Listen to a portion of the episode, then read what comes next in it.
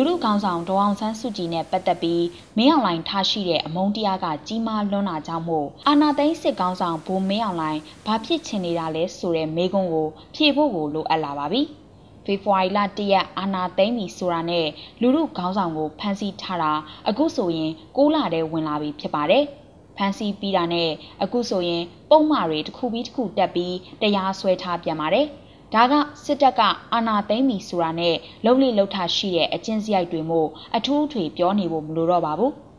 ဒီလိုတရားစွဲတဲ့အပြင်အသက်အရွယ်ကြောင့်တရားရင်ဆိုင်နေရတာတွေကိုအပတ်စဉ်ဇက်တိုက်လုပ်နေတာကိုလျှော့ပေးဖို့တောင်းဆိုပေမဲ့လက်မခံခဲ့ပြန်ပါဘူး။ဒါတွေမရက်သေးပါဘူး။ လူလူခေါင်းဆောင်ကပြောကျင်တဲ့စကားရက်တွေလူလူခေါင်းဆောင်ကြုံတွေ့နေရတဲ့တရားစီရင်ရေးအခြေအနေတွေကိုသူမရဲ့ရှေ့နေကတဆင့်လူလူစီသတင်းစကားပေးနေတာကိုတစ်ဖက်သက်ဖိနှိပ်ပြီးတားမြစ်ခဲ့ပြန်ပါတယ်။ဒီထက်ဆိုးတဲ့ကိစ္စတစ်ခုကအော်တိုဘာလ14ရက်နနက်အစောပိုင်းတုန်းကဖြစ်ခဲ့ပြန်ပါတယ်။ မန္တလေးမဟာအောင်မြေမြို့နယ်ကန်တက်ကုန်းမစိုးရိမ်ကျောင်းတိုက်ထဲမှာသူမရဲ့83နှစ်ပြည့်မွေးနေ့အဖြစ်စိုက်ထူထားတဲ့ပုံတူရုပ်ထုကိုလူတစုကဝင်ရောက်ဖျက်ဆီးသွားတာဖြစ်ပါတယ်။မြန်မာနိုင်ငံမှာလူလူခေါင်းဆောင်ရဲ့ရုပ်ထုကိုဖျက်ဆီးဝွန့်သူဖျက်ဆီးရက်သူဆိုတာကမင်းအောင်လှိုင်ခေါင်းဆောင်တဲ့စစ်အုပ်စုကလွဲရင်ဘယ်သူမှမရှိပါဘူး။အမြင့်ပေ9ပေလေးလက်မရှိတဲ့ဒီရုပ်ထုနဲ့အတူတက်မတော်ကိုတီထောင်ခဲ့တဲ့ဗိုလ်ချုပ်အောင်ဆန်းရုပ်ထုလည်းရှိပါတယ်။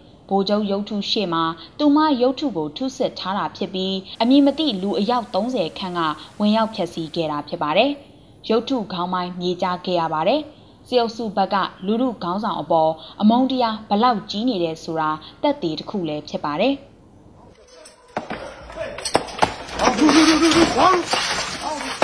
အဝိုင်းတို့အဝိုင်းတို့အဝိုင်းတို့ထူထူအဝိုင်းတို့ထူထူ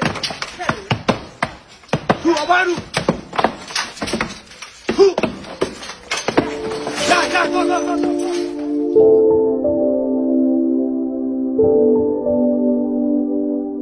ဘိုးနေဝင်းလက်ထက်ကလေးကနိုင်ငံအာဏာကိုလက်နက်နဲ့ယူခဲ့တာဘိုးတန်းရွှေလက်ထက်အထိဖြစ်ပါတယ်။အဲ့ဒီကာလတစ်လျှောက်မှာ စီအုပ်စုဟာတရုတ်ကလွဲရင်နိုင်ငံတကာအတိအမှတ်ပြုမှုမရတဲ့နိုင်ငံအဖြစ်သာရှိခဲ့ပါတယ်။လက်နက်နဲ့အာဏာရယူထားမှုကာလကြာရှည်တာနဲ့အမျှစစ်အုပ်စုဟာအာဏာလုယူထားနိုင်တာကလွဲရင်နိုင်ငံရေးထွက်ပေါက်မဲ့နေခဲ့ပါတယ်။ဒီကနေထွက်ပေါက်ရှာဖို့အတွက်ဗိုလ်တန်းရွှေက2008မှာအခြေခံဥပဒေကိုနာဂစ်အယိုးပုံပေါ်ကနေတစ်ဖက်သက်အတီးပြု2010မှာရွေးကောက်ပွဲလုပ်ပြီးနိုင်ငံထွက်ပေါက်ယူသွားခဲ့ပါတယ်။ ဘိုးသိန်းစိန်ကိုတမရခန့်ဘိုးရွှေမန်းနဲ့ဘိုးခင်အောင်မြင့်တို့ကိုလွတ်တော်ဥက္ကဋ္ဌခန့်မင်းအောင်လှိုင်ကိုကာကျုပ်တာဝန်လွှဲပေးပြီးအာဏာရှင်အဖြစ်ကနေအရှင်ထွက်ထွက်သွားခဲ့ပါတယ်။ဒီအခြေအနေထိစစ်အုပ်စုက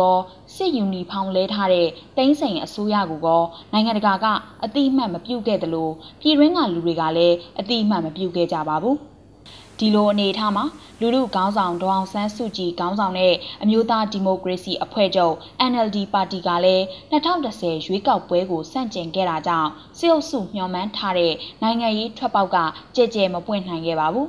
2012ကြားဖြတ်ရွေးကောက်ပွဲမှာတော့ NLD ဘက်ကမူဝါဒတွေပြောင်းလဲခဲ့ပြီးလူလူခေါင်းဆောင်ဒေါအောင်ဆန်းစုကြည်ကိုယ်တိုင်ရွေးကောက်ပွဲမှာရန်ကုန်တိုင်းကော်မှုမြို့နယ်ကနေဝင်ပြိုင်ခဲ့ပါတယ်။ပြိုင်တဲ့အခါအနိုင်ရခဲ့ပါတယ်။ လူလူကောင်းဆောင်ရွေးကောက်ပွဲလွှတ်တော်ကိုယ်စားလှယ်ဖြစ်လာတဲ့အပေါ်လူလူထက်စစ်အုပ်စုကပိုပြီးပျော်ရွှင်ခဲ့ကြပါတယ်။ရွေးကောက်ပွဲနဲ့အစိုးရဖြစ်လာလွှတ်တော်တွေရှိလာပေမဲ့စစ်အုပ်စုကသာနေရာယူထားလို့တရဝင်းအတိမတ်ပြုခံရမှုမရှိတဲ့ဒီလိုလူလူခေါင်းဆောင်ကိုယ်တိုင်လွှတ်တော်ထဲရောက်လာတဲ့အတွက်တရားဝင်အတိမတ်ပြုခံရမှုရရှိခဲ့တာကြောင့်ဖြစ်ပါတယ်။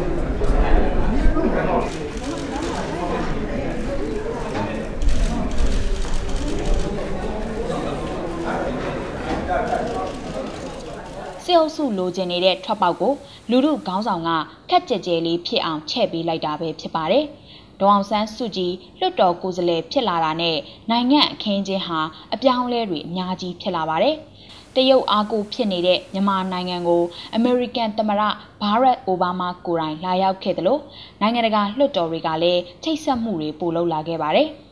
လွှတ်တော်ရဲ့စွမ်းဆောင်ရည်တွေပုံမမြင်မာဖို့အတွက်နိုင်ငံတကာအထောက်ပံ့တွေတောက်လျှောက်စည်းဝင်လာခဲ့ပါတယ်။2015ရွေးကောက်ပွဲမှာတော့လူလူခေါင်းဆောင်ဒေါအောင်ဆန်းစုကြည်ဦးဆောင်တဲ့ NLD ပါတီက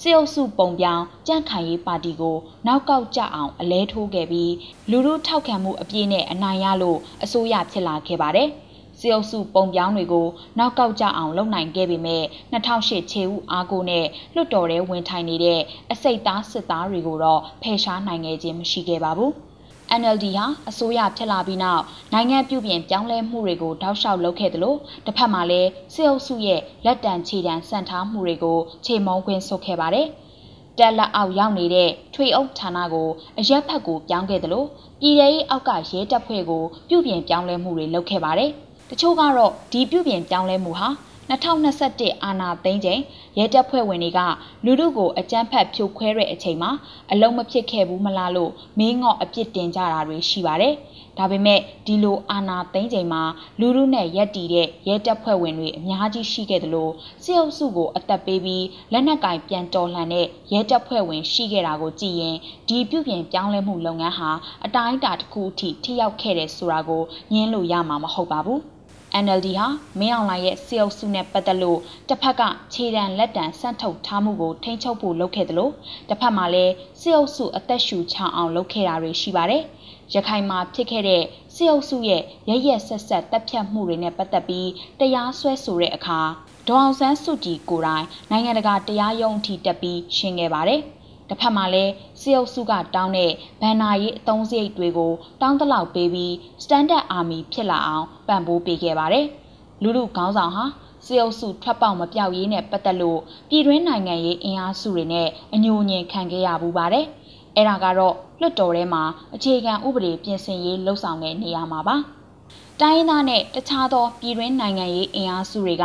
စစ်အုပ်စုကိုနိုင်ငံရေးနယ်ပယ်ကနေမြန်မြန်ထုတ်နိုင်မှုအခြေခံဥပဒေပြင်ဆင်ချက်တွေတင်သွင်းခဲ့ကြပါတယ်။ဒါပေမဲ့ NLD ဘက်ကတော့တဆင်ချင်းတရည်ချင်းနဲ့သာအချိန်ပေးထုတ်တဲ့ပြင်ဆင်ချက်မျိုးကိုသာရွေးချယ်ခဲ့ပါတယ်။ဒါဟာနိုင်ငံရေးအင်အားစုအလုံးလိုလိုရဲ့လုံရင်ဆန္ဒကိုဘေးချိတ်ပြီးစစ်အုပ်စုအတွက်ထွက်ပေါက်ကျကျဟပေးဖို့ကြိုးစားခဲ့တာဖြစ်ပါတယ်။ ဒီလိုစ조사ရင်က2020ရွေးကောက်ပွဲမှာလဲ NLD ဟာအနိုင်ရရှိခဲ့ပြန်ပါတယ်။ဒါပေမဲ့စစ်အုပ်စုကိုအသာတကြီးထွက်ပေါက်ရစေဖို့ဒီမိုကရေစီစံနှုန်းတွေကိုနားလည်တဲ့စစ်တပ်ဖြစ်ဖို့စ조사ခဲ့တဲ့လူမှုခေါင်းဆောင်ရဲ့အမျှော်မြင်ကြီးမှုစေတနာထားမှုကိုမျက်ကွယ်ပြုပြီးမင်းအောင်လှိုင်ကနိုင်ငံအာဏာသိမ်းပြီးလူမှုခေါင်းဆောင်ကိုဖမ်းဆီးခဲ့ပါတယ်။တရားစွဲခဲ့ပါတယ်။နောက်ဆုံးတတ်မဲ့ရုပ်ထုကိုတောင်မချမ်းပဲဖြိုလဲဖျက်ဆီးခဲ့ပါတယ်။ အဲ့ဒါကြောင့်မင်းအောင်လှိုင်ဘာဖြစ်ချင်နေတာလဲလို့မေးလိုက်ချင်တာပါ